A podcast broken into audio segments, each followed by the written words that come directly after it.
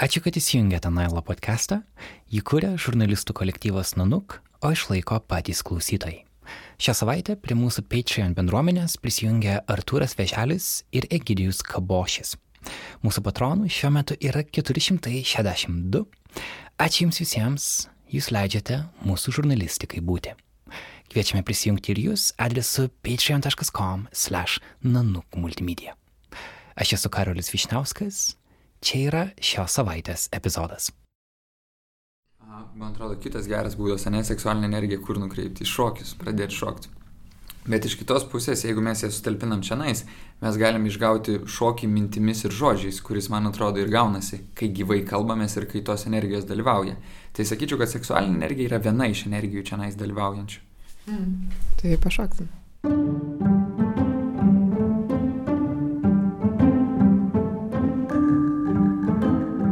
Per daugiau nei dviejus podcast'o metus vienas labiausiai klausomų ir daugiausiai jūsų pasidalymų sulaukusių epizodų buvo tas, į kurį mes tokios reakcijos netgi nesitikėjom.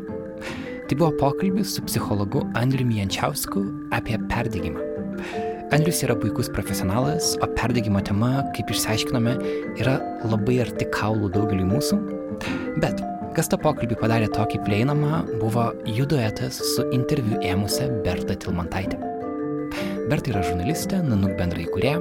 Jis su Andriumi yra seni draugai, pasiekę tokį draugystės brandos lygį, kad jiedu gali kalbėtis apie iš esmės bet ką. Labai atvirai, be teisimo, be gėdos ir su daug analitikos. Tad jų pokalbiai Nailo podcast'e dabar pasirodys nuolat, tai bus atskira psichologinių pokalbių kategorija. Ir šiandien ją pradėsime pokalbiu apie seksualumą. Mano tai asociacija šitoje vietoje yra kaip su baku benzino, kurį galima tiesiog va, mesti į, į laužą ir didžiulis sprogimas nutinka, arba su juo galima užpildyti automobilį ir turėti įdomią ir įvairią pusę kelionę. Tai dažniausiai seksualinė energija yra iškart tiesiogiai susijęma su seksualiniais santykiais. Kai man atrodo, kad jinai gali būti ir kiekvieno santykio dalimi. Iš kitos pusės tai energija, kurią galim sublimuoti savo kūrybą. Ir man atrodo, kažkuria prasme mes to jam darome čia nais šitai kuriame.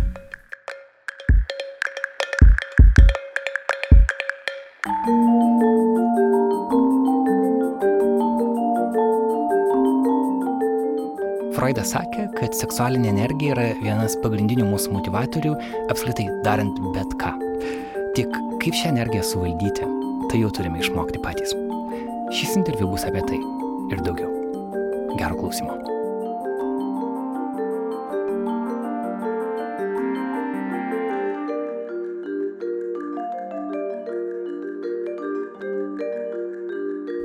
Paskutinio mūsų įrašo apie perdegimą mes sutarėm, kad toliau kalbėsim kitom psichologiniam temam ir sutarėm, kad pagalvosim abu atskirai, kokias temas mes norėtume aptarti, kokiam temam pakalbėti. Ir kai susiskambinom pasitarti, e, tu pradėjai vardinti temas ir jos sutapo su mano temomis. Tai reiškia, kad mm, arba labai kažkaip panašiai matom pasaulį, arba tiesiog tos temas šiuo metu yra aktualios. Ir pirmoji tavo tema ir yra šita, e, kurią tu pasirinkai ir aš pradėjau norėčiau nuo to klausimo, kodėl šita tema ir kodėl jinai buvo pirmoji, kodėl manai, kad apie tai reikia ir svarbu kalbėti, apie ką mes šiandien kalbėsim. Mhm. Aišku, kad lengviausia stotis už klientų istorijų ir sakyti, kad visų pirma klientam labai baisu pas mane atėjus apie tai išnekėti ir jie labai drovisi. Ir tai viena iš temų, kurioje žmonės vis dar bijo būti sąmoningi nes tame yra labai daug gėdėjimosi jausmo ir neprieimimo jausmo savęs. Iš kitos pusės tai jaučiu, kad, kad man ir pačiam susidraugauti su šitą temą buvo didžiulis iššūkis, nors iš tikrųjų apie tą temą ir esu ir daug, nežinau, skaitęs, klausęs, domėjęsis, buvęs paskaitose. Ir man atrodo kitas dalykas, kad vis dar šita tema trūksta informacijos. Ir yra nemažai žmonių, kurie kenčia nuo to informacijos stygiaus, nes nežino, kaip patys savo gyvenime kažkaip pažaboti tą galingą energiją, kuri juos vad būna kažkur tais lyg išvaryta iš kambario, jie nepastebi, kad jinai jų gyvenime veikia, veikia, veikia, veikia ir staiga bubum nutinka dalykas, kurio visiškai nenori apie save žinoti. Nežinau, puikus pavyzdys, vat, vienas mano klientas e, ilgą laiką sakė, kad viskas, aš jau, jau, jau tikrai gyvenime susitvarkiau su savo seksualiniais santykiais, kad aš jau tikrai gyvenu e, savo santoko ir gerai jaučiuosi ir jam kažkaip tais visai to nepastebint, staiga po pusės metų sako vėl kažkaip tais ištiko mane e, romanas su moterimi. Ir man čia nais pavyzdys, kaip vat, ta energija veikia už jį ir labiau gaunasi, kad jinai pareguliuoja jo gyvenimą, negu jisai sugeba su ją susitarti ir kartu daryti sprendimus. O tai gal galėtume įvardinti temą, nes, sakai, kalbėsim apie tai, nes tai yra svarbu. Temą aš galvoju, kad tu įvardinai, kad mes šiandieną kalbėsime apie seksualumą. Ir gali būti, kad tai bus pirmoji laida, kurioje turėsim daugiau tokį platesnį paukščio skrydį, o paskui sugebėsime kažkur tai specializuotis ir siauriau pakalbėti. O gali būti, kad pamatysime, kad nesugebama pakankamai giliai kalbėti, kad daugiau išeitų podcast'o. Mhm. Idėja buvo, kad tai bus viena tema, vienas e, pokalbis, bet kai pradėjom ruoštis, atrodo, kad tema yra tokia plati ir tiek daug talpinanti, kad um, gali būti daugiau pokalbių. Tai kalbėsim apie seksualumą, mm, bet tuo pačiu greta atsistojantys žodžiai dar gali būti erotika, erotiškumas, intimumas santykiai turbūt išlys meilė. Ir bandysim pradėti galbūt iš vis nuo to, kas tai yra. Nes ir besiruoždama ir kalbėdama, pavyzdžiui, su draugais, sakydama, kad kalbėsim šitą temą, pamačiau, kad žmonės keistai sureaguoja, nes klausimas yra, kas tai iš vis yra, kas tai yra seksualumas. Ir um, ieškoju apibrėžimo. Tiesiog, vad žinai. Kaip gerai, nes aš tai nežinau. Ir angliškas apibrėžimas buvo toks, kad žmonių seksualumas tai būdas patirti ir išreikšti save seksualiai. Tai apima biologinius, erotinius, fizinius, emocinius, socialinius ir dvasinius jausmus bei elgesį. Mhm. Tai apima iš esmės visus mūsų gyvenimo aspektus, visas sritis, kad kažkaip pasireiškia visose gyvenimo tose situacijose, būsenose mūsų. Um, ir kad tai yra didžiulė, labai plati tema, gyvybiškai svarbi, bet apie ją vis dar labai mažai kalbama, arba kalbama labai kažkaip negrabiai, sakyčiau, neatsakingai, labai sudėtinga pas mus rasti net ir žodžius tam tikriems dalykams, arba žodžiai, kurie yra vartojami, yra keisti. Tai galbūt šiandienos tas tikslas ir būtų išgvildent, išlūkštent, kas tai yra, kaip tai yra svarbu mūsų psichiniai sveikatai mum patiem kaip žmonėm, asmenybėm mm, ir ką su to galim padaryti. Tu jau šiek tiek užsiminiai, kad tavo darbe, tavo klientams tai yra viena iš temų, kuriamis jūs kalbat. Mhm. Ar galėtum pasakyti, kiek jinai yra svarbi, kiek jinai yra dažna?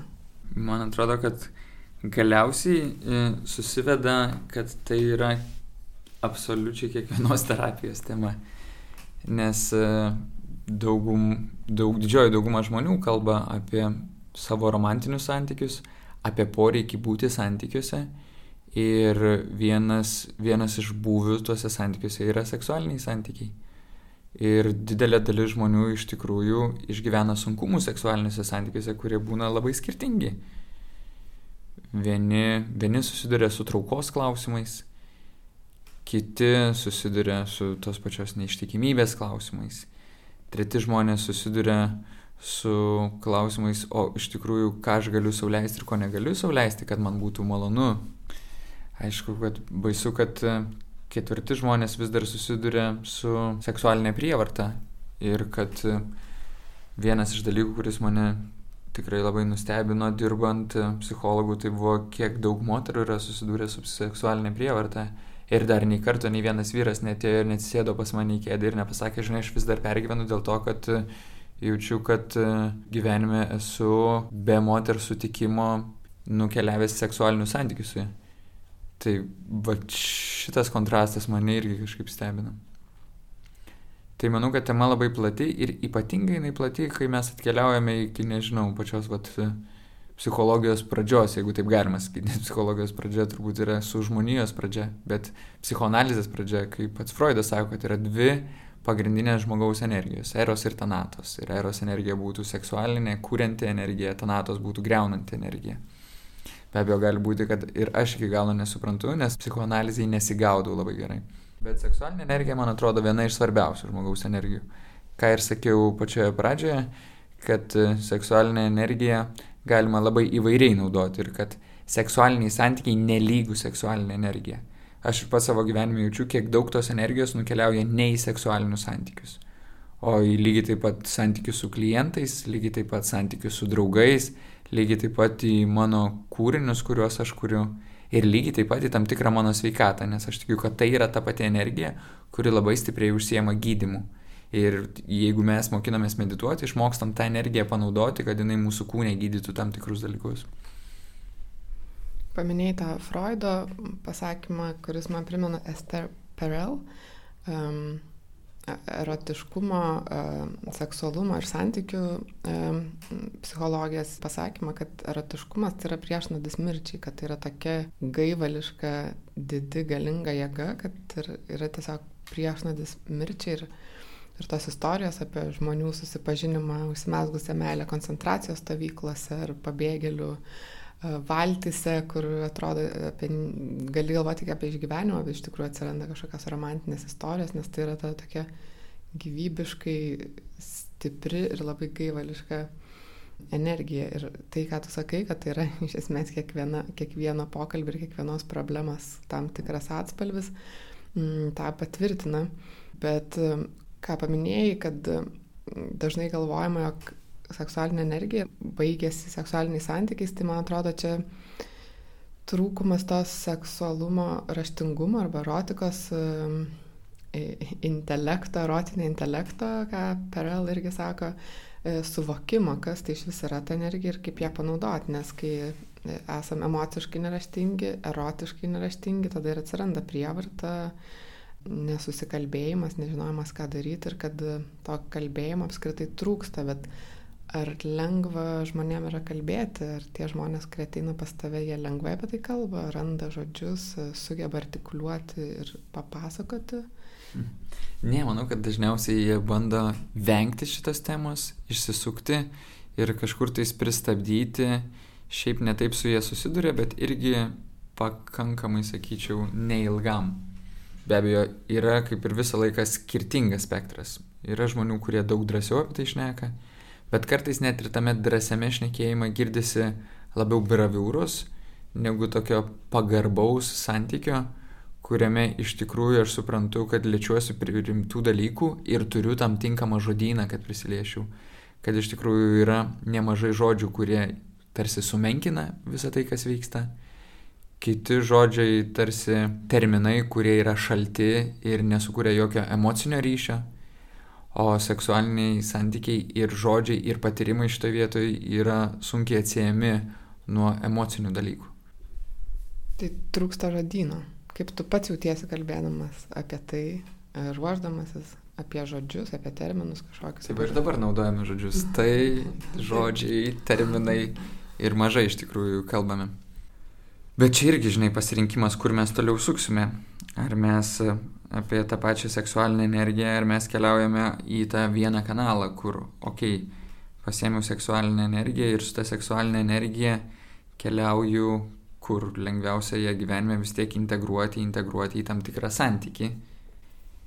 Ir tada jau vėl krūva pasirinkimų, ar ne, tame santykiai, kad e, pradžioj tai, okei, okay, o kas mane seksualiai traukia ankstesnė sistema, kurioje buvo gyvenama.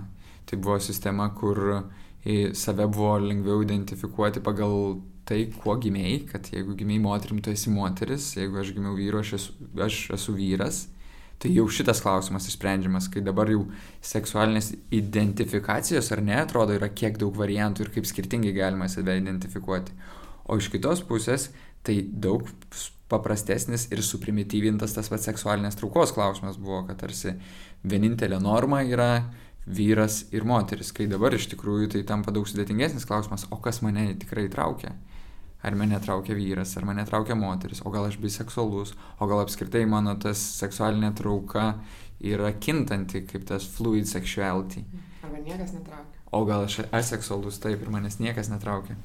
Tai man atrodo šiais laikais, kai spektras yra sudėtingesnis, pradedama suvokti, kad nėra vienos standartinės normos Ir tada žmonėms atėjusiems šiandien tai irgi yra sudėtingi klausimai. Visų pirma, aš esu kelis kartus dirbęs su žmonėm, kurie renkasi savo lytį ir kaip save identifikuoti. Ir tai man buvo iš tikrųjų kelionė, kur aš mačiau, kokia tai yra didžiulė kančia. Kad galėtume sakyti, kad vieni žmonės labiau akcentuoja biologinę lytį, kiti žmonės akcentuoja, kad lytis yra apskritai kultūrinis konstruktas. Bet man šitą vietoj labiausiai norėtųsi kažkaip akcentuoti, kad žmogus netrandantis savo seksualinės tapatybės arba abejojantis dėl jos, kokią jisai iš tikrųjų išgyvena kančią ir kokį jis išgyvena sunkumą, kai aplinka bando įsprausti į tam tikrą rėmą, kurioje jisai jaučiasi, kad netelpa ir santykis su kitais, jis irgi nulėmė požiūrį į tave patį. Nes jeigu tu pasidalinsi kažkuo apie save ir žmogus tave pasmerks, tu galvosi, kad galbūt esi netinkamas, neteisingas kažkoks, arba priešingai, jeigu tave priims, suprasi, kad mm, tai gal viskas gerai. Tai tas santykis su kitais, tai yra nebūtinai fizinis santykis, bet gali būti tiesiog pokalbiai kažkokie, pasidalinimai, vėlgi prieimimas arba atstumimas, supratimas, auginimas, skatinimas, vienas kito drąsinimas ir aišku fizinis kontaktas, kiek tam pagarbos yra, kaip tu save pamatai per kitus ir savo poreikius, kaip gebėjai gyvendinti su kitų pagalba arba kitų poreikių su tavo pagalba. Nes atsiranda meilė, intimumas, santykiai, erotiškumas, lytiniai ir apskritai santykiai. Ir vėl tada plaukia santykių, visokios potėmės, monogamija, poligamija ir, ir, ir visa kita. Ir kad kaip ir tu sakei, vis dar trūksta to kalbėjimo apie tai ir kažkaip galvojau, kaip Lietuvoje pas mus dažniausiai apie tai kalbama ir kad pirma, tai yra toks vulgarus, primityvus, grubus kalbėjimas, kai nuslystama paviršium, banalu yra kažkokie juokeliai, vėlgi tas žodynas toks, kuris... Aš tikrai labai kažkaip prisimenu puikiai tuos paauglystėj momentus, kai susėsdavom tikrai turėdami pakankamai mažai seksualinės patirties, bet jausdami superherojai ir vulgariai pasakodavom istorijas ir kiekvienas paslapčia euforindavosi ir kažkuria prasme ir klausydamasis kito istorijos, bet ir įsivaizduodamas save toje istorijoje. Skirtingos patirtis, nes e, jūs bečiai turbūt jums buvo euforija ir, ir kietumas, o to tarpu merginom turbūt kitaip, e, nes e, galėjai būti pasmerkta labai greitai. Bet aš atsimenu, žinai, mes turėdom tokią kas savaitinį situaciją, kadangi aš esu iš Kauno, tai mano draugai irgi iš Kauno, kai mes e, sekmadienį susėdame į automobilį penkiese ir tenais dažniausiai būdavo arba du vaikinai, trys merginos, arba, arba Arba atvirkščiai, trys vaikinai, dvi merginos ir kažkaip pradėdome aptarinėti, tai kas gero vyko savaitgalis ir kažkada pradėjom traukti laukantą temą.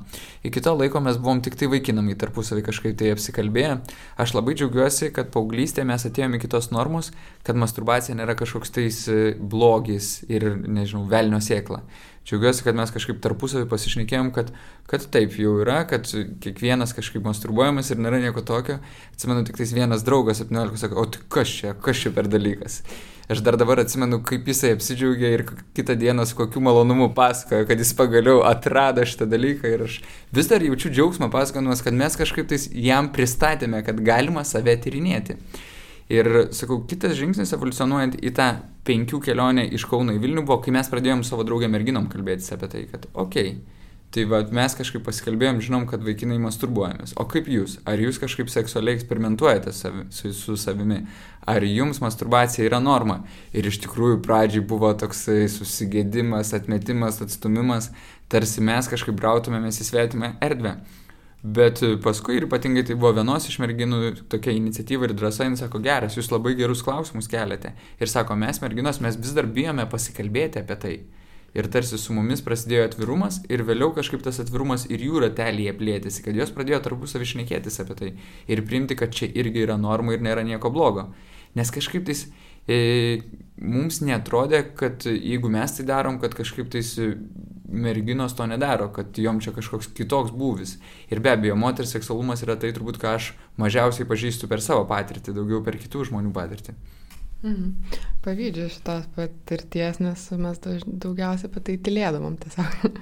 ir apie tai nekalbėdavom, nes čia ta tokia antra kryptis kalbėjimo Lietuvoje apie tai yra gėda, kaltė, baimė, smerkimas, atstumimas, nešvarumas, purvinumas iškrypimas, paleistuvystė um, ir, ir visi kiti tie negražus, nešvankus kažkokie purvini žodžiai. Tai aš labiau gal ilgą laiką buvau toj krypty, kur apie tai kalbėti tarsi yra net liežuvėse nesiversdavo kai kurių žodžių sakyti ir kad tai yra labai asmeniškas dalykas, kad e, labai susijęs su gėda, mm. mm. su kažkokiu kalties jausmu, nes teikti savo malonumą ar kitą malonumą dėl malonumo tarsi irgi yra kažkoks neprimtinas ir neteisingas dalykas. Aš atsimenu, bijojau, e, kai dar buvau paauglė, kad neduok die ten man moteris patiks, kai aš užauksiu, nes tai irgi atrodė kažkoks baisus iš kažkur matyti jau pradėtas formuoti vaizdinys ar kažkas. Uh, Žodžiu, kad tai buvo kažkoks, kažkokia gėdinga tema, apie kurią turi tylėti ir e, labai vėlai e, tik atsirado žmonių, su kuriais galėjau pradėti apie tai kalbėti ir suprasti, kad tai yra iš tikrųjų normali tema, labai plati, plati tema ir labai svarbi tema kalbėjimui. Mhm. Um, trečias to, tokia kryptis, apie kurią galvojau, kaip yra kalbama, tai yra toks didžiulis romantizavimas, kad viskas yra labai gerai, viskas yra gražu, daug nutilėjimų, bet kalbama tik apie tos gražiasias pusės, tai dažniausiai heteroseksuali para, seksas po dušo švarioji ten patelį, nei santaka, vaikai, gyvenimas ilgai ir laimingai, kas iškreipia suvokimą, kaip viskas vyksta, nes reikalauja tobulumo, tada po mhm. to kelia nusivylimą, kai tu turi tos didelius lūkesčius iš filmų. Um, Aš tai vis dar turiu tokį lūkestį, kad man taip gausis. Gal nebūtinai po dušo, bet, bet seksualiniai santykiai santokoje ir, ir vaikai. Bet vis tik nebus greičiausiai taip paprasta, žinai, kad tiesiog ilgai ir laimingai, tai bus ilgai sudėtingai ir galbūt e, galų gale laimingai, bet kad tai yra ilgai sunki kelionė ir darbas. Taip, tos pačios tavo Esterperel minėtas taip. E, vienas iš populiariausių podcastų, atsiprašau, TED Talkų nuolatos klausomas ir yra, kaip, kaip išlaikyti e, seksualinę aistrą ilgalaikiuose santykiuose. Ir kad tai be abejo tai neįmanoma, kad gautųsi savaime, tai yra labai sudėtingas darbas ilgalaikis. Mhm. Bet tas va toks irgi romantizavimas ir visko piešimas tik tom šviesom spalvom, užmiršimas, kad yra ir LGBT bendruomenė, kad yra neįgalus žmonės, kas iš vis atrodo dažnai niekur nepamatys ir neišgirsi nieko susijusio, kad tarsi neįgalumas ir seksualumas yra du skirtingi mhm. E, dalykai ir man buvo labai įdomu pernai, mes su tavim žiūrėjom filmą Touch Me Not, kino pavasario festivalį, e, kuriame buvo tyrinėjamas intimumas ir kur dalyvavo to, to filmo kūryboje žmonės, aktoriai, bet ir tikri žmonės, kurie buvo ir neįgalus ir um, turintis įvairių potraukių skirtingų ir kalbėjo apie tai, apie, apie tą. Ir tai buvo turbūt pirmą kartą aš mačiau, kad taip aiškiai būtų kalbama apie e, seksualumą be jokių kažkokių apribojimų. Um, lyties orientacijos ar kūno atrodymo ar galios ar negalios atžvilgių. Ar tu jauti, jog tai yra tema, va, kalbėjimas apie kurią kinta ir keičiasi ir kad jis tampa kitoks negu buvo? Taip, sakau, kai atsimenu, kaip mes sunkiai pradėjome, e, kai buvo 18 metų, čia prieš 15 metų tomis pirmomis kelionėmis ir kaip lengvai su tais pačiais draugais po 15 va praėjus metų aptarnėjame apie realiai esančias tuose pačiuose ilgalaikiuose santykiuose seksualinės problemas, gal nereikia sakyti problemas, bet iššius, seksualinius klausimus ir seksualinius momentus, kur naudojantis tą bendrąją patirtimį daug lengviau kažkaip juos net ir spręsti. Nes kai paklausiau, kaip jūs, kaip mes, ir žiūrėk, jau galima pasitarti ir pasitarus kažkokį atsakymą rasti. Tai kas yra svarbu tokiam kalbėjimui? Kaip prakalbėti ir kaip kalbėti, kad tas kalbėjimas kažką duotų? Tai man atrodo, kad tokiam kalbėjime svarbu atvirumas, paieška, ko man šiuo metu iš tikrųjų nepavyksta patenkinti, atrasti tą savo pagrindinę problemą, įsivardinti ją ir tada jau ieškoti, kokias aš turiu variantus, kad iš vis galėčiau imtis juos spręsti. Bet nu, tas pradinis, pradiniai vartai, iš kurių dažnai žmonės užstringa, tai yra atvirumas ir baime pamatyti, kad visgi aš ten turiu kažkokių klausimų, su kuriais bijau susidurti. Nes kai kurie klausimai kažkaip atvėrus tą Pandorų skrynę atrodo tokie galingi, kad galbūt, kad nuneš mane į kitą pasaulį ir bus net, nežinau, sunku savo tą patį identitetą susidėlioti. Mm. Uh, bet tu vis paminė tą aš, kas man svarbu, kas man rūpi, ko man reikia. Ir čia vėl yra turbūt toks kultūrinis dalykas, kad egoizmas pas mus labai neigiamai traktuojamas, kad kalbėti apie tai, ko tau reikia ir kas tau patinka, irgi tarsi ar tu turi tam teisę. Ir kaip susigražinti tą teisę, kalbėti apie save ir savo poreikius. Mhm. Man atrodo, kad svarbus ir tas klausimas, o ko tu nori santykėje, kad nėra taip, kad žinai tik tais, ko aš noriu. Bet man atrodo, kad e, žmonės sunkiai moka įsivardinti savo norus ir poreikius ir kad e, paklausti, ko kitas nori, gali būti kartais net išsisukimas nuo to, kad pasakyti, o ko aš norėčiau.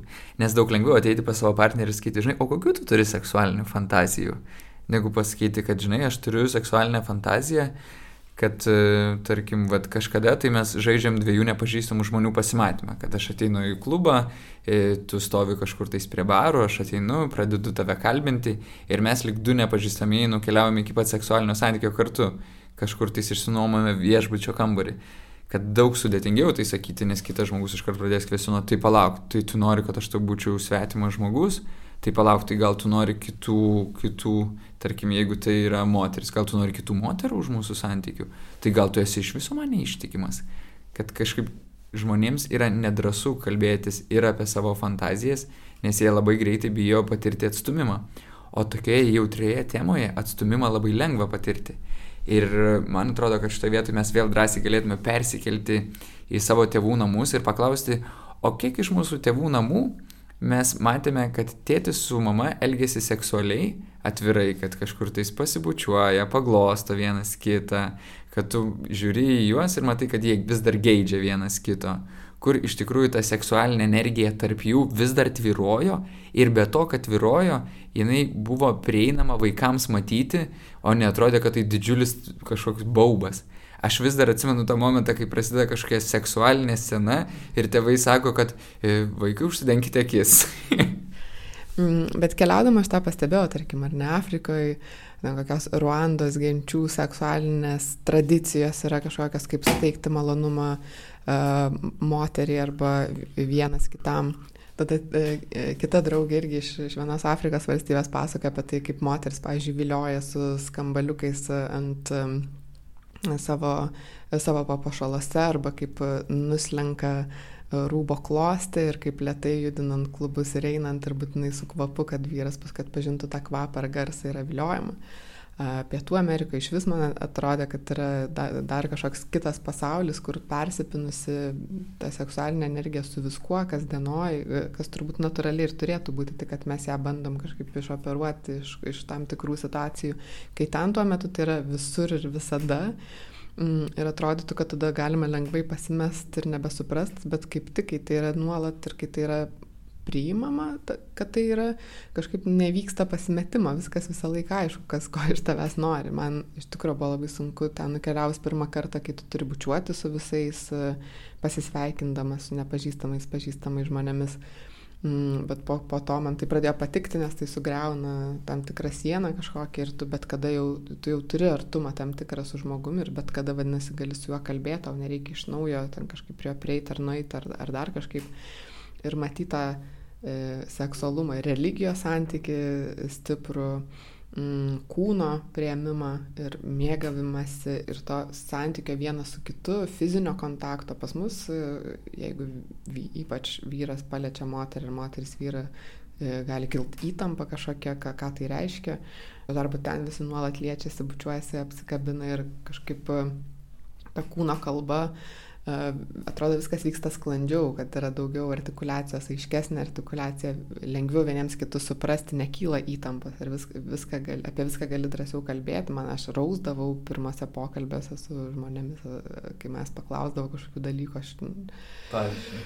Užkišdavo balsą, nu, tiesiog kažkokius elementarius dalykus, žinai, apie tai, kas tau patinka, arba kas ne, kaip jūsų santykiai klostosi, arba uh, kaip pas jūs e, ten, ne, kažkokie net elementarūs, paprasti dalykai, kur, kurie atrodavo, hmm, e, čia dabar mes galime apie tai išnekėti, kai, mm. kai čia tai atrodytų gal kažkoks veržimas į asmeninę erdvę, kažkoks kažkoks asmeninių dalykų klausimas. Ir man vat, kyla klausimas, kiek mes iš tikrųjų galim apie tai kalbėti, kiek tai iš tikrųjų yra asmeninis dalykas, o kiek tai yra, žinai, kiek mes jį turim saugot, o kiek iš tikrųjų galim atvirai kalbėti. Ir galvoju apie maistą, ar ne, kad maisto pasirinkimas šiaip yra labai asmeninis dalykas, kas kam patinka, kas ko nemėgsta.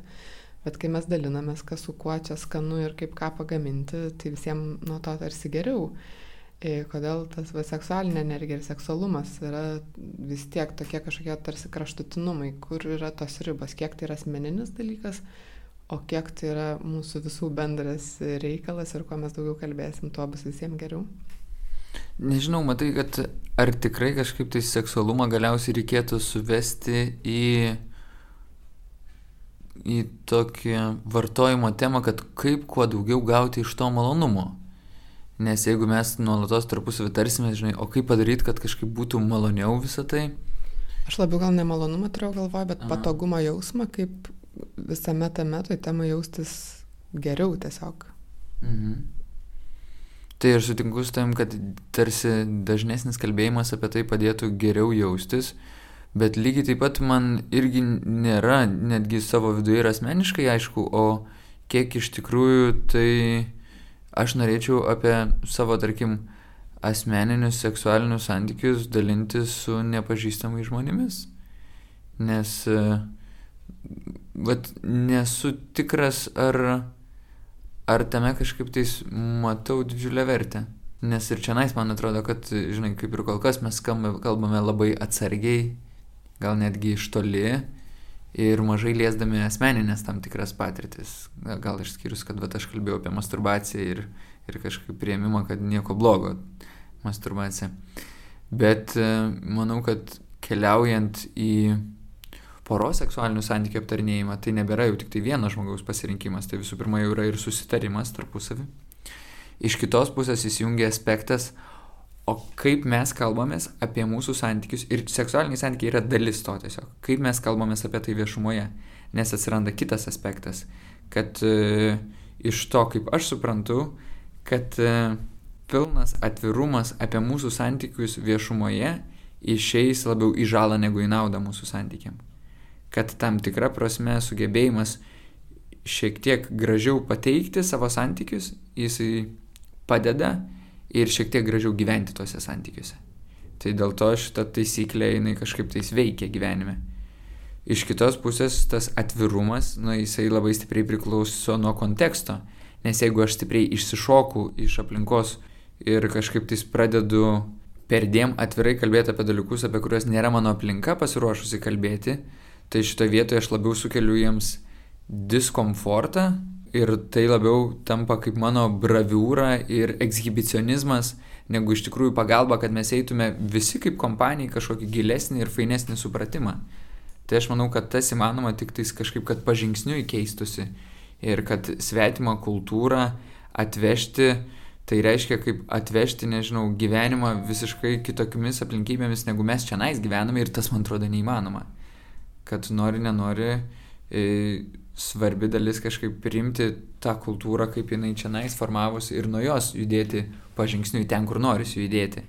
Nes apie atvirumą seksualinio santykiuose aš kažkaip tai, man tai atrodo norma, kad, va, kaip ir prieš tai minėjau, kad mano vaikai matytų, kad aš gydžiu savo žmonos.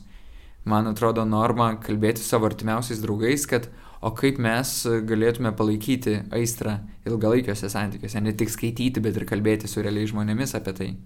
Man atrodo norma nuolatos kalbėtis e, su savo partneriu apie tai, kas man atrodo yra žiauriai sudėtinga. O kalbėtis kažkaip jau su tolesniais ratais, man atrodo, kad čia, uh, dar labai labai toli. Nes po kol kas aš lygiai taip pat susiduriu su ta pačia problema, kad aš ir mano žmona mes sunkiai apie tai kalbamės. Tai ką jau kalbėtis kažkaip, kad atvirai apie tai kalbėti su, nežinau, žmonėmis, su kuriais va sportuoju sporto klube. Ir dar tavo santykiai yra labai tradiciniai, e, heteroseksualūs, santoka, vaikai, o kaip kalbėti pakeliui. O kaip kalbėti, jeigu santykiai nėra tradiciniai, jeigu tai yra poligaminiai santykiai, pažiūrėjau, arba atviri santykiai, ar atvira netgi santoka, žinai, kur dar... Ir vis tiek man sunku, ne, apie tai kalbėtis. Mm. O yra žmonių, kuriems žymiai sunkiau, tu sakai, todėl kad kultūriškai po kol kas kažkaip tai yra dar stipriai atmetama, įsivaizduojant, kad kažkas yra norma, kažkas nenorma. Taip, dar tas grožis, kūniškumas, vėlgi neįgalumas, įgalumas, seksualinė orientacija, tas mhm. takumas e, potraukio. Aha. Vakar kaip tik iš tikrųjų vieną iš tyrimų skaičiau būtent apie tai, kad jeigu žmogus e, yra nuo mažens priemamas kaip patrauklus ir jisai nuolatos gauna tą tokį grįžtamą ryšį, kad yra žavingas, ten nežinau, jeigu kalbėtume apie augantį berniuką, ar ne, nuo pat mažens jis gauna kažkokį pastiprinimą ir nebūtinai iš vienos lyties, gali būti iš abiejų lyčių, kad kažkas ir jo draugais nori būti, kažkas tai nori su juo draugauti ir jį, jį romantiškai mato, jisai užauga į žmogų, kuris ir pats savo jaučiasi labai patrauklus, todėl kad aplinka jam suteikė labai gerą grįžtamą į ryšį, o kiek iš tikrųjų žmonių negauna tokio palaikymo. Vienas iš svarbiausių poreikių yra tas validation ir appreciation, kad mane patvirtintų ir manim žavėtųsi. Ir kiek daug žmonių negauna ir negauna šitoje srityje, kad manim žavėtųsi dar kaip ir potencialiai seksualinių partnerių.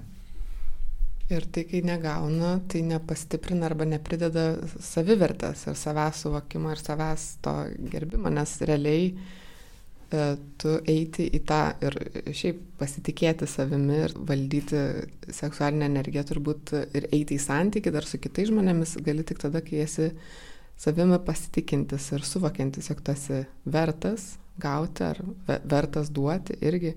Ir jeigu negauni to iš aplinkos, tai gali užsidaryti ir labai sunkiai eiti į kažkokį santykį, į savęs tyrinėjimą, į prieimimą savęs ir kitų. Mm. Tai toks užburtas ratas gaunasi. Taip, blogiausiam kraštutinume iš e, stipriai susijusių šitom problemom išauga sunkios, sunkios psichiatrinės diagnozės kaip psichinės lygos kur jeigu taip galvotume, kad ir dalis ten tam tikrų depresijų stipriai su tuo susiję, dalis nerimo sutrikimų su tuo susiję, ką jau kalbėti apie valgymo sutrikimų, kaip, kaip jie stipriai yra susiję su ta pačia seksualinė energija ir jos raida. Ar gali plačiau dar pakalbėti, kas gali atsitikti, kai mes neskiriam dėmesio seksualumui ir tai seksualinė energijai savy ir kitose, kaip tai realiai gali paveikti mūsų psichinę sveikatą? Mhm. E, iš karto pagalvojau apie tokį gan paprastą pavyzdį, bet tuo pačiu jisai atspindi ir tam tikrą sudėtingumą. Tai kalbu apie moterį, kuriai taip e, apie 50 metų. Ir e, praeitą savaitę jinai man sako, e, kad vienas, vienas iš sunkumų, kurį jinai išgyvena, tarkim, savo šeimoje, yra seksualinių santykių nebuvimas kad e, jeigu lygintume poreikį, kiek iš tikrųjų vyrui nori įsimylėtis tame santykėje, tai atsirastų didžiulis kontrastas tarp to, kiek jai atrodo, kad jinai nori mylėtis tame santykėje. Ir mums šnekant, bandant pažinti šitą temą ir skirtingais kampais ją liečiant, staiga jinai man sako, žinai, sako, man čia kažkuo panašu su tuo, kaip buvo su labai brangiais batais kad kol gyvenime aš neturėjau pinigų ir nebuvau užsidirbus ir negalėjau leisti savo nusipirkti brangių batų, man buvo kažkoks toks varkšelės kompleksas ir aš įsivaizdavau, kad labai labai man reikia jų turėti. Ir kai aš juos gavau, aš pasidėjau juos į spintą ir toliau vaikščiau su savo nudrengtais kažkokiais kaip konversiukais ir geriausiai jaučiausi su jais. Ir sako, aš jaučiu, kad ir po šitų mano norų slypi kažkoks tais kompleksas, kurio aš vis dar negaliu pačiupinėti ir atrasti. Ir šitoje vietoje taip, jeigu mes galvotume apie tai, kokią, kokį kelią nuėjęs tas žmogus seksualiniai perspektyvai, mes atrastume, kad garantuotai tenais yra ir kažkokių neatspindėjimų, ir kažkokių sunkumų, kurie susideda galiausiai į tą norą, kad kažkaip kitas žmogus taip stipriai manęs geistų, kad aš pats pagaliau pasijaučiau pakankamai geidžiamas, kad aš geidžiu ir aš jaučiuosi seksualus, aš jaučiuosi patrauklus ir nebesinešu tenais kažkokio tai komplekso užsilikusio. Ar įmanoma pačiam su savim atrasti tokį santyki, e, kad jaustumės vertas būti geidžiamas ar vertas e, duoti be kitų patvirtinimo? Sunkus klausimas, man atrodo geras klausimas, bet jisai man kažkuo tai siejasi su to pačiu, kad e, ar įmanoma kažkaip išvažiuoti į vienišą salą ir joje išmokti mylėti save. Gal yra pavienių žmonių, kuriem kažkaip tais tai pavyktų, bet ir tai, jeigu turėtų labai labai stiprių įrankių, kaip stebėti save, kaip, nežinau, medituoti ir kaip dekonstruoti jau susiformavusias tam tikras neapykantos kritikos savo struktūras, kurios nori, nenori užaugo gyvenime per sąveikaujant su aplinka. Tai man atrodo, kad lengvesnis kelias yra išgyventi tai su kitu žmogumi. Iš kitos pusės atsiranda ta pati rizika labai stipriai akcentuoti, ką kitas apie mane galvoja ir kaip kitas mane mato. Ir šitoje vietoje iš tos pačios uh, tarkim, iš seksualinės traumos labai lengva pereiti į seksualizuotą elgesį ir puikus pavyzdys esu turėjęs pacientę, kuri, kuri e, patyrė seksualinę prievartą ir jos kitas elgesys buvo e, krūva meilužių nuolatos besikeičiančių. Tai tarsi jinai kartojo toliau tą tos pačios seksualinės prievartos mechanizmą ir toliau buvo prievartaujama. Ir kad tai gali suveikti labai stipriai priešingai. Bet ką aš noriu pasakyti, kad uh, kad reikalingas ir pagalba kito žmogaus, kad pagaliau patirčiau, ką reiškia, kai manęs geidžia, bet ką reiškia, kai šalia to geismo ir tas žmogus nori manim pasirūpinti, ką reiškia, kai jis mano mato ne tik tai kaip seksualinį objektą, o kai seksualumas yra tiesiog papildymas, bet ne esminis, ne esminis kanalas tam tikro santykių.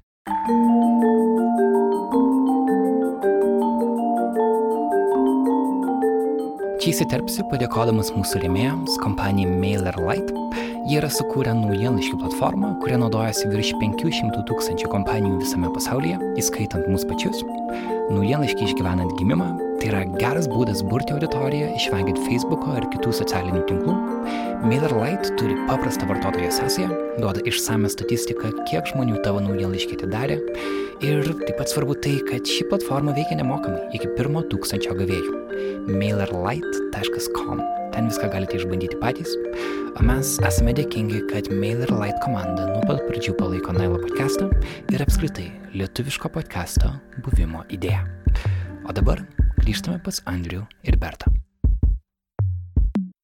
Kalbant apie seksualumą, turbūt dažnai tas išlenda fizinis kontaktas, jis pas mus Mm, dažnai yra seksualizuojamas labai, ne, kad tas palietimas ar kažkoks bučinys, e, mhm. flirtas e, turi nemažą krūvį, m, mm, gali turėti ir kartais mes jo išsigastam, jeigu jis, pažiūrėjau, atsiranda tarp draugų, nes e, atrodo, kad jeigu jau perėjome kažkokį seksualinio potraukio lygį, kad dabar tik du keliai arba e, lytiniai santykiai, seksas arba e, nutrauksim bendravimą, nes nežinom, ką su tuo daryti.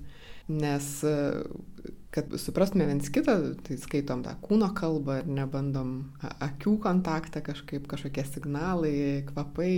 Ir ta seksualinė energija ir gali sklandyti visur, gali atsirasti tarp draugų, gali atsirasti darbe, kur plona labai riba tarp kažkokio flirto lengvo ir tarp priekabiavimo, kuris gali blogai baigtis. E, kad dažnai tos kai kurios situacijos, vėlgi, kaip žinai, ar prievartos situacijos, priekabiavimo situacijai, kaip nekaltinti aukos, bet kaip iš tikrųjų suvokti, kokia iš tikrųjų buvo situacija, nes kartais ji gali būti išprovokuota, kartais gali būti kad žmonės tiesiog emociškai, erotiškai neraštingi ir ne, nesupranta, kas čia ką su, su, kuo, su kuo daro.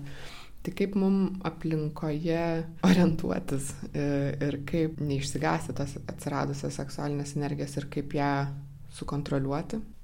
Aš galvoju, kad vat, vienas, viena, viena iš įdomių statistikų, tai kai pasižiūrime į statistiką apie tai, ką kalba ilgą laiką kartu nugyvenusios, tarkim, poros, ir čia nais aš vėl grįžtu tada prie, prie monogamiškų santykių ir prie pasirinkimo gyventi monogamišką gyvenimą ir jos kalba apie tai, kad net ir gyvenimo eigoje e, buvo tų įsimylėjimų, kur iš tikrųjų susižavi kitų žmogumi. Ir tie įsimylėjimai ne, nebūtinai reiškia santykių pabaigą. Ir kai žmonės pakankamai pažįsta tą energiją, man labai patinka mano supervizoriaus išsakyta mintis, kad jeigu jinai buvo išsakyta tada, kai mes aptarinėjome vieną mano kliento vyro atvejį, tai jinai buvo išsakyta apie tai, kad jeigu jo gyvenimo laivo būrės vis dar yra moterų sijonai, tai panašu, kad jisai vis dar yra gyvenime neapsisprendęs ir kad jį dar labai daug blaškys, kad tai yra tam tikras brandos etapas. Bet lygiai taip pat mes galėtume žiūrėti ir, ir į moteris, kad jeigu jai vis dar kažkaip tais įsimylėjimai yra vienas iš esminių ir svarbiausių išgyvenimų, tai daug šansų kažkaip, kad pagal palei įsimylėjimą jinai ir nueis kažkur tais.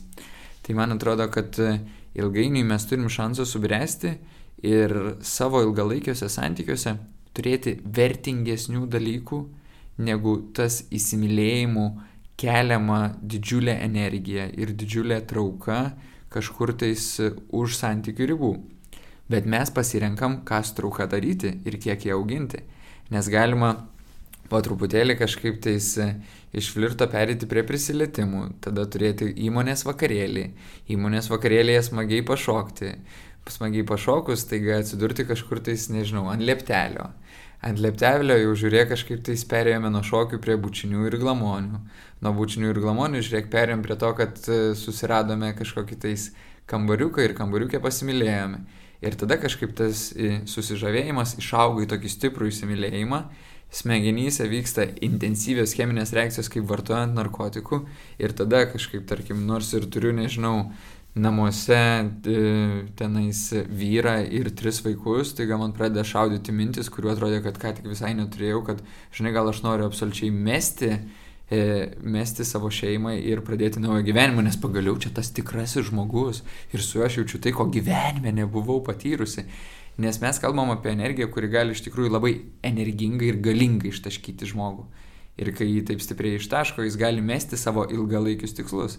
Tai man atrodo, kad Čia nais vienas iš klausimų būtų, kaip auginti savo smegenis, kad jos atskirtų trumpalaikius galingus malonumus nuo tų ilgalaikių malonumų, kurie nėra tokie intensyvūs į momentą. Ir čia nais būtų pavyzdys, nežinau, tas pats alkoholis taip veikia, tie patys narkotikai taip pat veikia, ta pati kava taip pat greitai suveikia, gali greitai duoti mums intensyvius hormoninius pokyčius mūsų organizme, dėl kurių mes išgyvename malonumą. Tai seksualinė energija veikia taip pat tik tais jinai veikia natūraliai. Tai man atrodo vienas variantas yra tai, kad tu kalbi, tai leisti tai energijai žemesnėme lygmenyje, bet flowinti su visais žmonėmis. Ir tada nėra tokio didžiulio kontrasto tarp to, kad jos visiškai nebuvo ir staiga jinai išsprogdino. Kad kažkaip susikurti savo gyvenime, kad negyventi seksualinėje dykumoje. Nes kai gyvenu seksualiniai dykumoje, tai atsiradęs vienas objektas, į kurį sudėjau visą savo seksualinę energiją, staiga išsprogdina visą pasaulį. Tai dėl to aš sutinku, kad labai fainai yra ir, nežinau, pabučiuoti savo draugus, apsikabinti, smagu turėti šiltą ryšį, kuriame ir paflirtuojame lygiai taip pat su savo kolegomis. Tiesiog svarbi dalis, kad tada mes pradedam žaisti su ugnimi, kur neaišku, kiek geri mes esame tos ugnies valdytojai ir kaip gerai mes žongliruojame. Nes jeigu žongliruoji ugnim, garantuotai kažkur tais nuteksi. ir šiaip dar tu pasakai, kad santykius, kai turi ilgalaikius, kad vat, jiem gali patrukdyti kažką ar nutraukti, bet turbūt ir apskritai neturint santykių, kas kartais yra dar didesnis pavojus kažkur bėgti, kad pulti kažką naujo, kad nesijaustum ten kažkoks vienišas. Aišku, dažniausiai tiesiog jauti tą įsimylėjimą ir visos smegenys išsikreipus, visas mąstymas ir tiesiog galvoji, kad oh, labai noriu dar to narkotiko, nors nevadinu to narkotiku, tiesiog noriu to jausmo, nes čia pagaliau ta meilė. Ir jeigu neturiu santykių, aš sutinku su tavim, kad dar labiau aš esu geisme ir stygiuje, kad aš noriu to bendravimo ir galvoju, aš pasilgęs to sielų ryšio, kai mes iš tikrųjų viens kitą jaučiam ir pažįstame. Ir jeigu tas žmogus atnešė seksualinę energiją, labai lengva sutapatinti ją, kad, oh, taigi čia tas žmogus, su kuriuo mes giliai galėsim pabūti.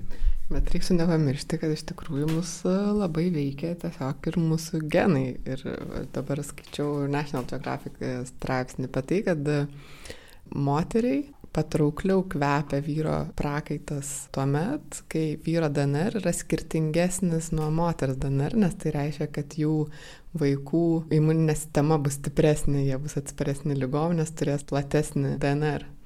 Kai tuo tarpu panašaus DNR vyro prakaito kvapas joms yra dvokiantis ir tai reikštų, kad nu, jų vaikai bus silpni ir kad tai nėra tinkamas žmogus poruotis ir susilaukti vaikų. Mus dažnai veikia tiesiog kažkokie labai tokie elementarūs biologiniai, cheminiai, fiziniai dalykai, kad tai nebūtinai yra kažkoks sielų artumas, bet kad tai yra um, tiesiog mūsų instinktai kažkokie, kuriems mes uh, pasiduodam arba ne. Taip, iš vienos pusės tai gali būti biologiniai dalykai, bet iš kitos pusės tai gali būti stipriai pažįstami elgsenos modeliai, kurie kelia didžiulę trauką, nes iki kaulų smegenų yra susijęs su tuo, kad tu išgyvenai vaikystėje.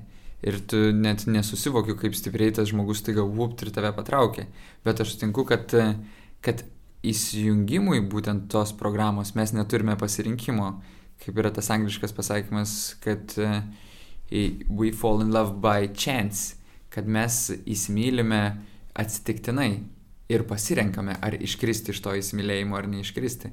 Kad aš sutinku su tavim, kad kartais tai yra biologiniai procesai, kurie patraukia, bet kartais tai gali būti labai stiprus socialiniai konstruktai, kurie mus patraukia. O kartais be abejo tai gali būti tiesiog jau išgyvenami mūsų kažkokie sudėtingi etapai, kuriuose mums labai norisi tam tikro galingo antidepresanto. Įsimylėjimas yra labai geras antidepresantas. Iš kitos pusės erotika ir tas žaidimas, kažkokia rizika, kas dažniausiai tą kelia, kelia malonumą, jis galimas yra tik tuo met, kai tu esi saugus, kai tu gerai su savimi jautiesi. Ir kažkokia depresyvi, nerami būsena gali slopinti tai ir tu kaip tik gali prarasti potraukį ir iš vis nematyti, nu, tavęs niekas nedomins ar netrauks, bet iš tos pusės, jeigu tai atsitinka, tai iš tikrųjų gali būti e, stiprus vaistas. Mhm laikinai, kol efektas nesibaigia. Tai staiga tai yra vaistas, tik man atrodo, kad čia gaunasi labiau netgi ne vaistas, nes vaistas tai tarsi turėtų pagydyti, o gaunasi toksai laikinas dopingas, kuris e, tu buvai po vandeniu ir jis taiga tave vuh, išmetė virš vandens. Ir tu kurį laiką skrendi, skrendi, skrendi, skrendi, kol baigėsi efektas ir atgal neri po vandeniu. Nes po kiekvieno, dažniausiai, po kiekvieno būtų neteisingai sakyti, po įsimylėjimo e, pradžioje yra tas išmetimas į viršų, paskui yra skaudus nusileidimas žemyn. Tai žmogus pargrįžta į tą pačią arba panašią emocinę būseną, kurioje buvo prieš tai. Dėl to dažnai kalbama, kad jeigu tu turi sunkių emocinių problemų arba psichinių lygų, tai pradžiai pasisteng susitvarkyti su jom, o tada jau bandyk judėti į santyki. Nes jis gali dar net pabloginti turbūt situaciją.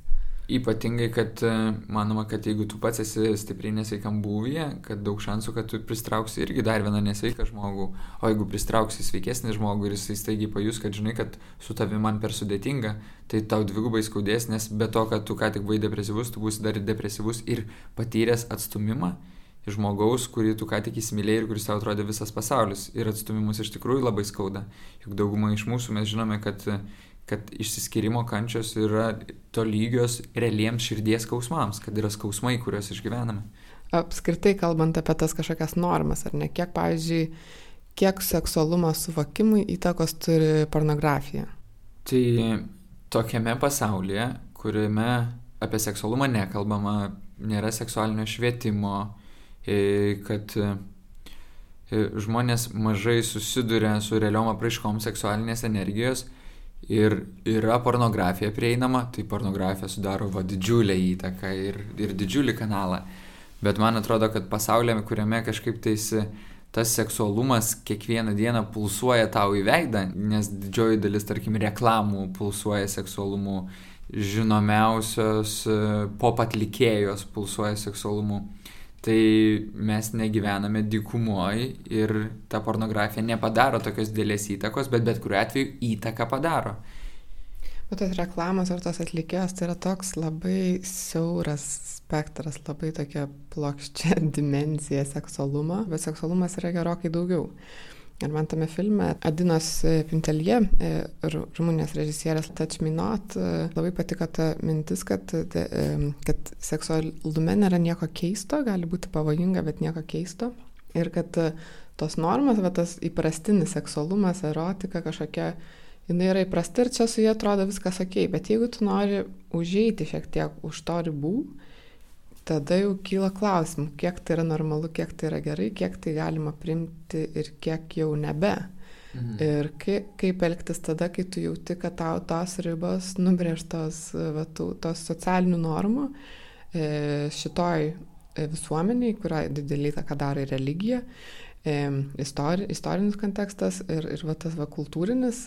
Ir tu matai, kad šita, tavęs tai netenkina, tau tai yra visiškai neįdomu ir tu nori žengti iš tų ribų. E, bet esi, pavyzdžiui, vienas tame. Kaip susiprast, kas yra, kas yra teisinga, kas yra gerai, o kas, kas jau nelabai.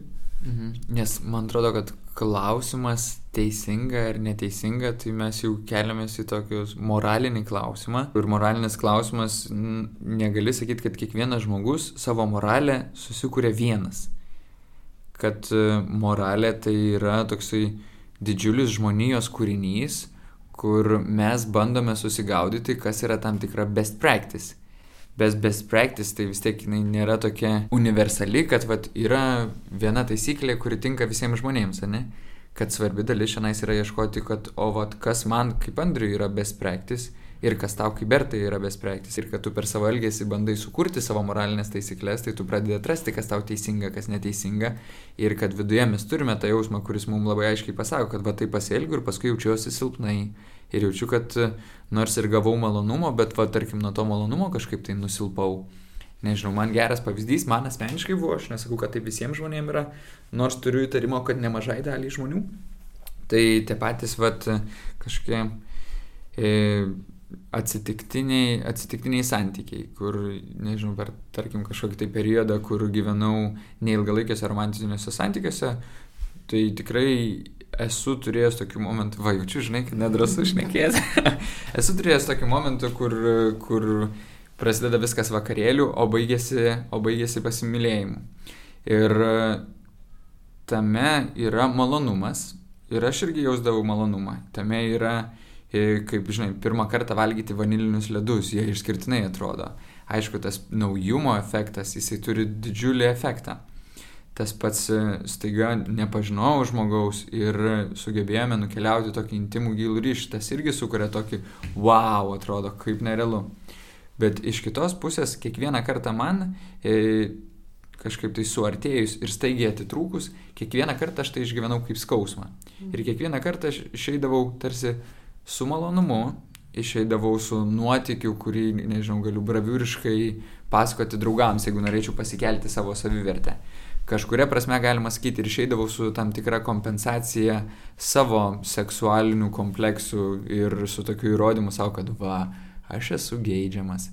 Bet išeidavau su tokiu skausmu, kad suartėjau su žmogum, o dabar mes svetimi ir kad suartėjau ir išėjau į intimumą, kuriam nebuvau pasiruošęs ir kuris man buvo skaudus.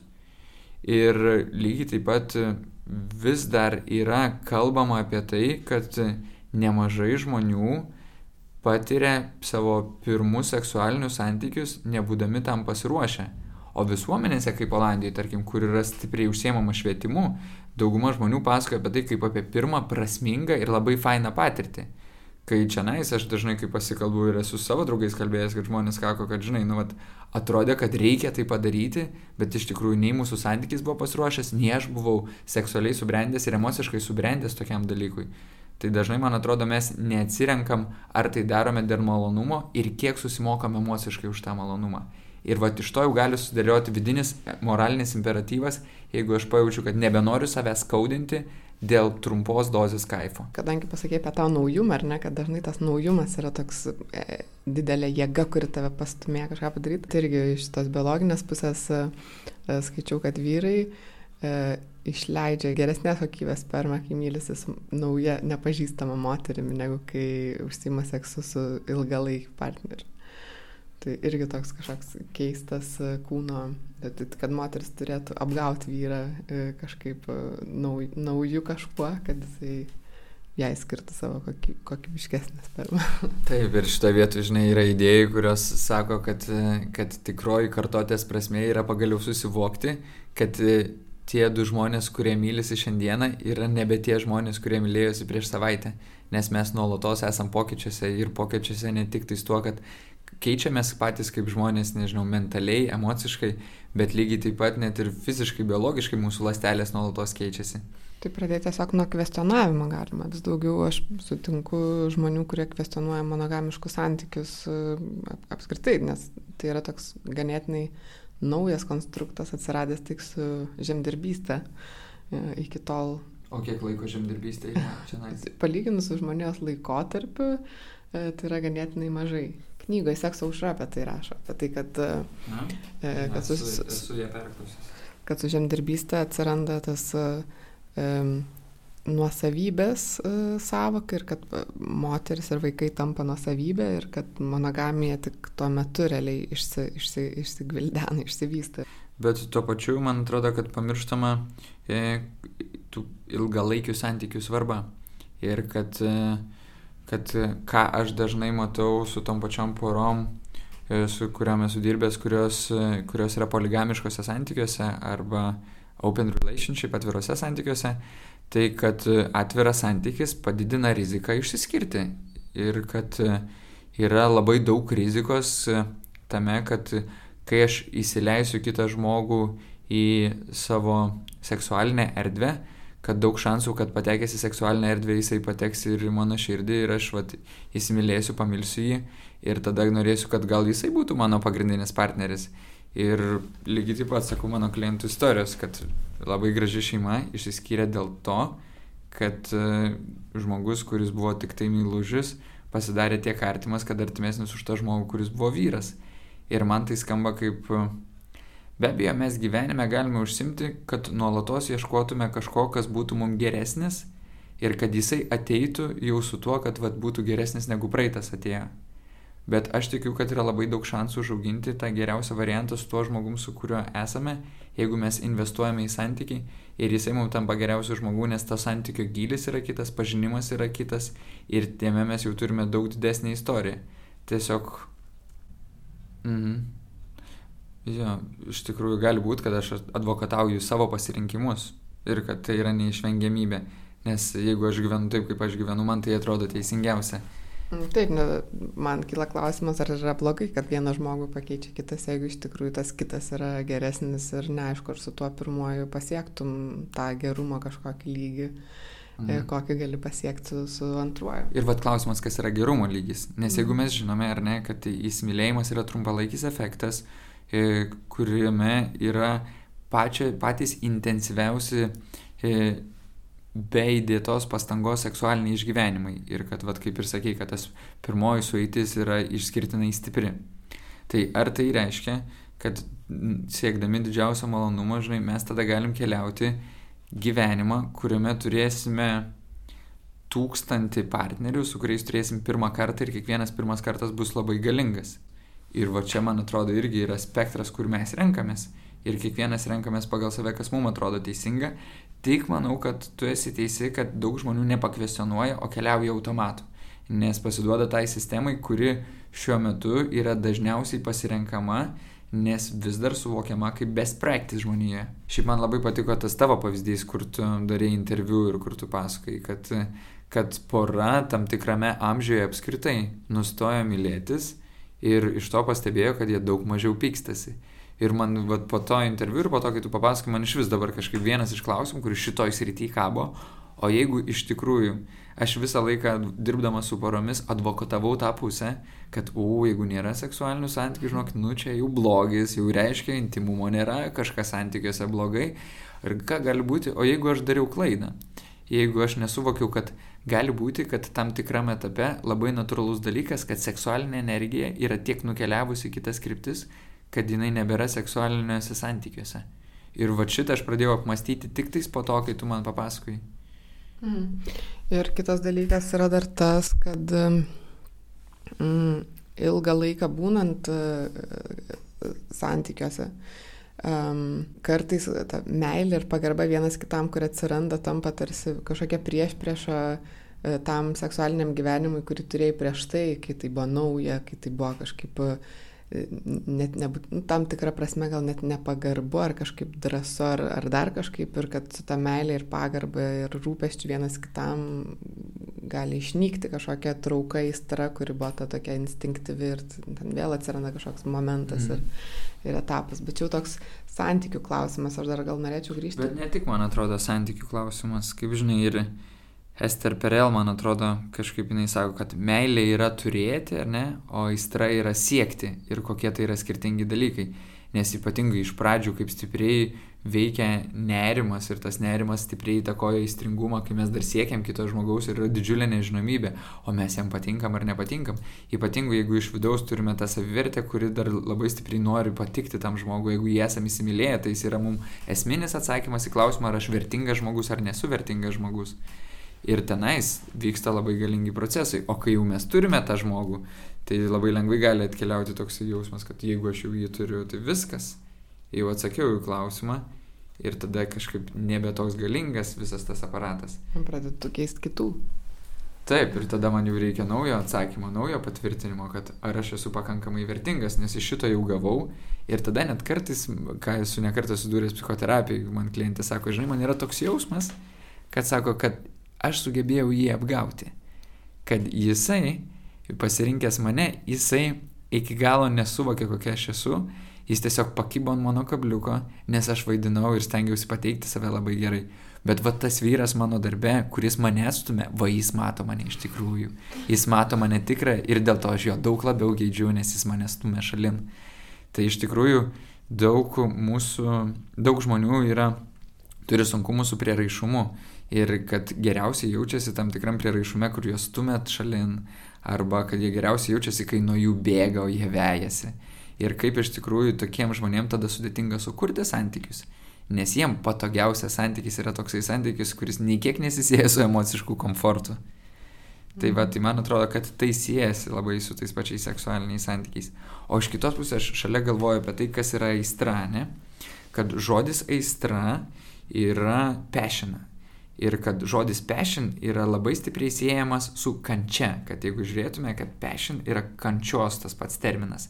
Ir aistra ką reiškia, kad aš esu stipriai e, suažituotas ir toks įaudrintas, tol kol sėkiu ir noriu gauti, o kai noriu gauti, ateina toksai aprimimas. Bet kai kurį laiką e, savo aistros nepatenkinu, man prasideda kančia, nes aš labai stipriai noriu patenkinti.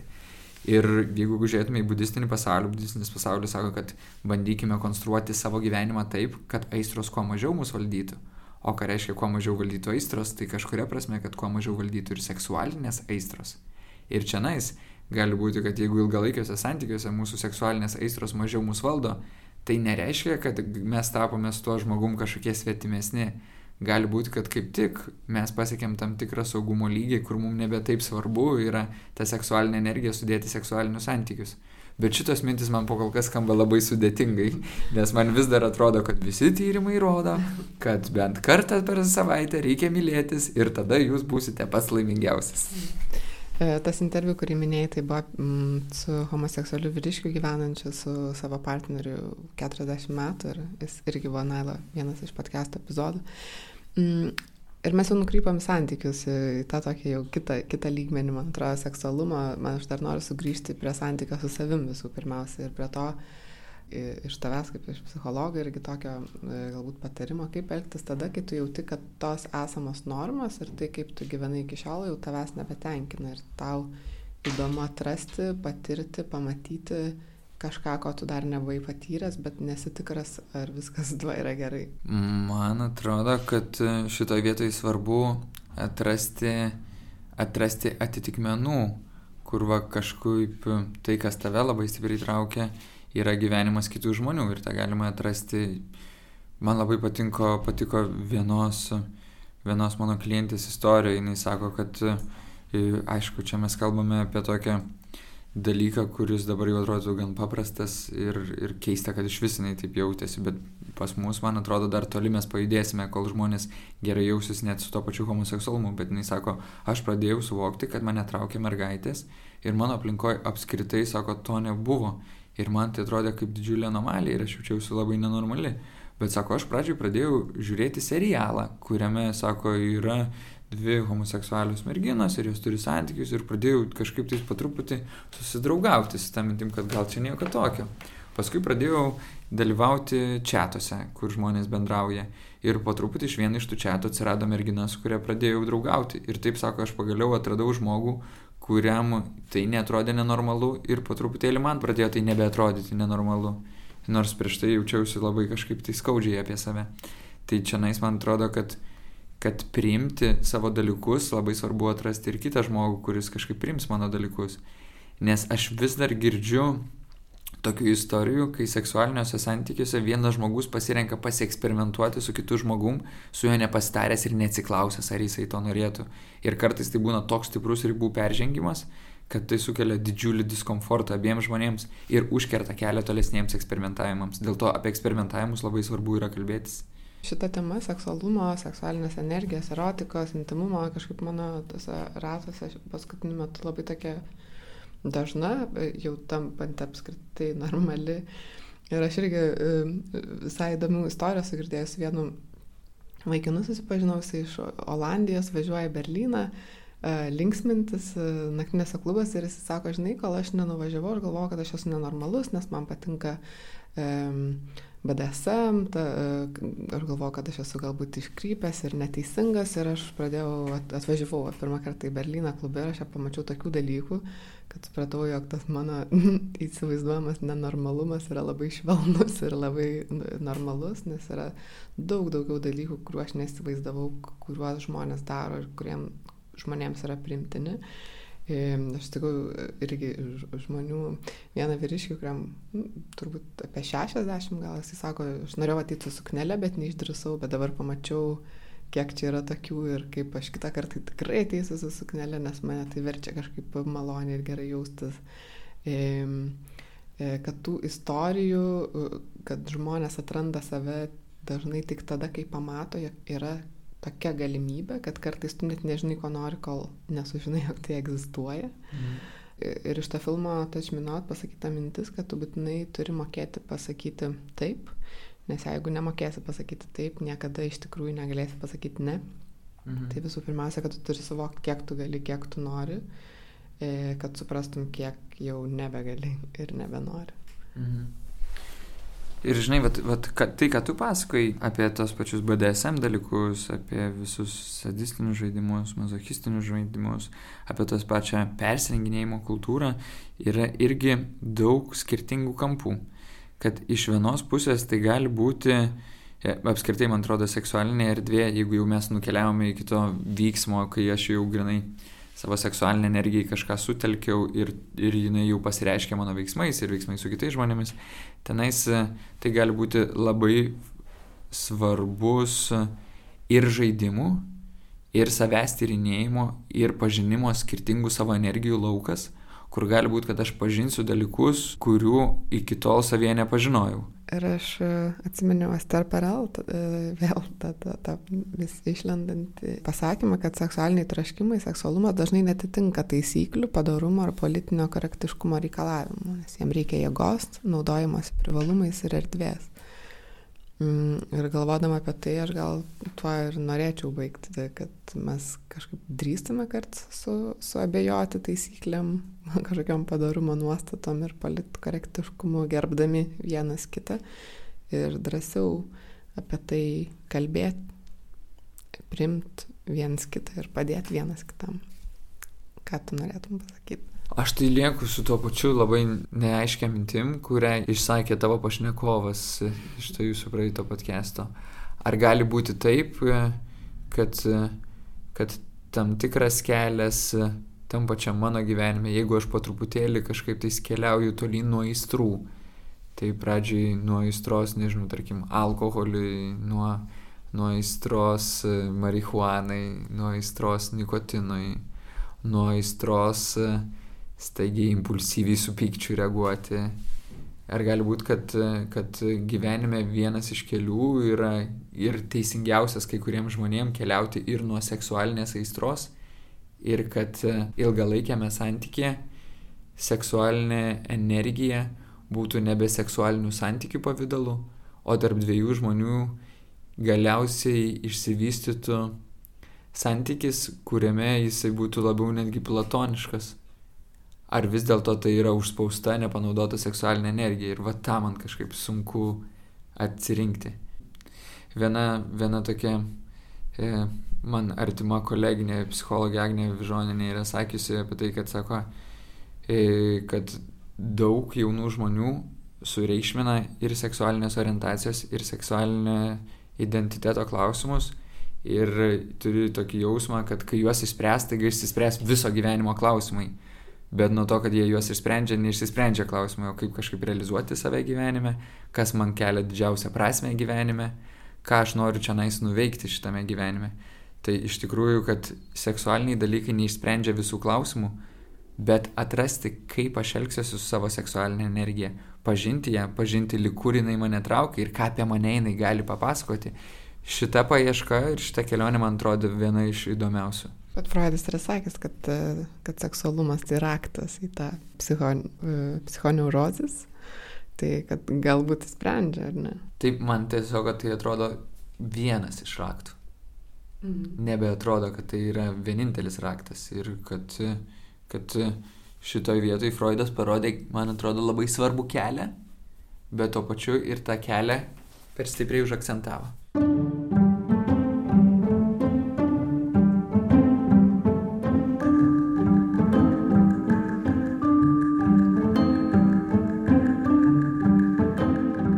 Toks mūsų epizodas šiandien. Ačiū, kad buvote kartu. Man buvo įdomu kažkaip pagalvoti šitam temam ir suvokti, kiek daug aš dar turiu ribotumų ir nesuvokiu šitos temos.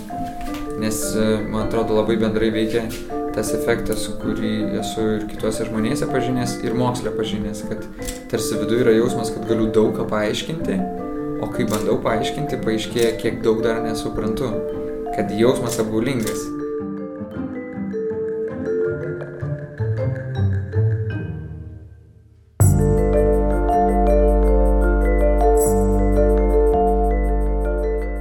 Jūs manote, kad tai, ką kalbėjo Andris ir Berta, gali būti įdomu jūsų draugams, nusiskite jiems nuorodą. Mes be galo vertiname rekomendacijas iš lūpų į lūpas, mes neturime lėšų didelėm reklaminiam kompanijom ar viešųjų ryšių akcijoms ir netgi ne visai tikime šitais dalykais, bet ko mes tikim yra tai, kad podcastus gali atrasti daugiau žmonių, nei juos atrado Lietuvoje likščiau. Tai tikrai, kiekviena rekomendacija reiškia labai daug. Ačiū iš jas. Kaip visada, noriu padėkoti žmonėms, kurie buvo užkulisiuose šio podcast'o įrašo metu. Tai fotografijai Sevelinai Venskutiai, galite pamatyti jos nuotraukas iš interviu adresu nail.lt ir nanuk Instagrame. Taip pat ačiū epizodo redaktoriai Martinai Šulskutiai ir muzikos kompozitoriui Martinui Gailiui. Dėkui mūsų partneriams Martino Mašvito bibliotekai. Čia įrašinėjame mano studijinį balsą. Ačiū garso režisieriams Aistai Baltraitytei ir Katai Bitoft už jų darbą studijoje. Mūsų filosofija yra atsiskaityti visiems žmonėms, kurie dirba prie podcast'o ir norime, kad tos sumos būtų vertos jų talento, tad kviečiame leisti mums jas padidinti, prisidedami prie mūsų Patreon programos. Ten galite skirti nanuk žurnalistikai nuo 1 iki 100 dolerių per mėnesį. Mūsų 100 dolerių patronai yra Blossom Wood Foundation, linkėjimai jiems į Alabamą ir Benedikto Gyro fondas čia pat Vilniuje. Mano vardas yra Karolis Višniauskas, aš esu Nailo vedėjas ir redaktorius. Pažadu, kad Bertos ir Andriaus pokalbį grįž. Iki kito antradienio. Greitai susitiksim.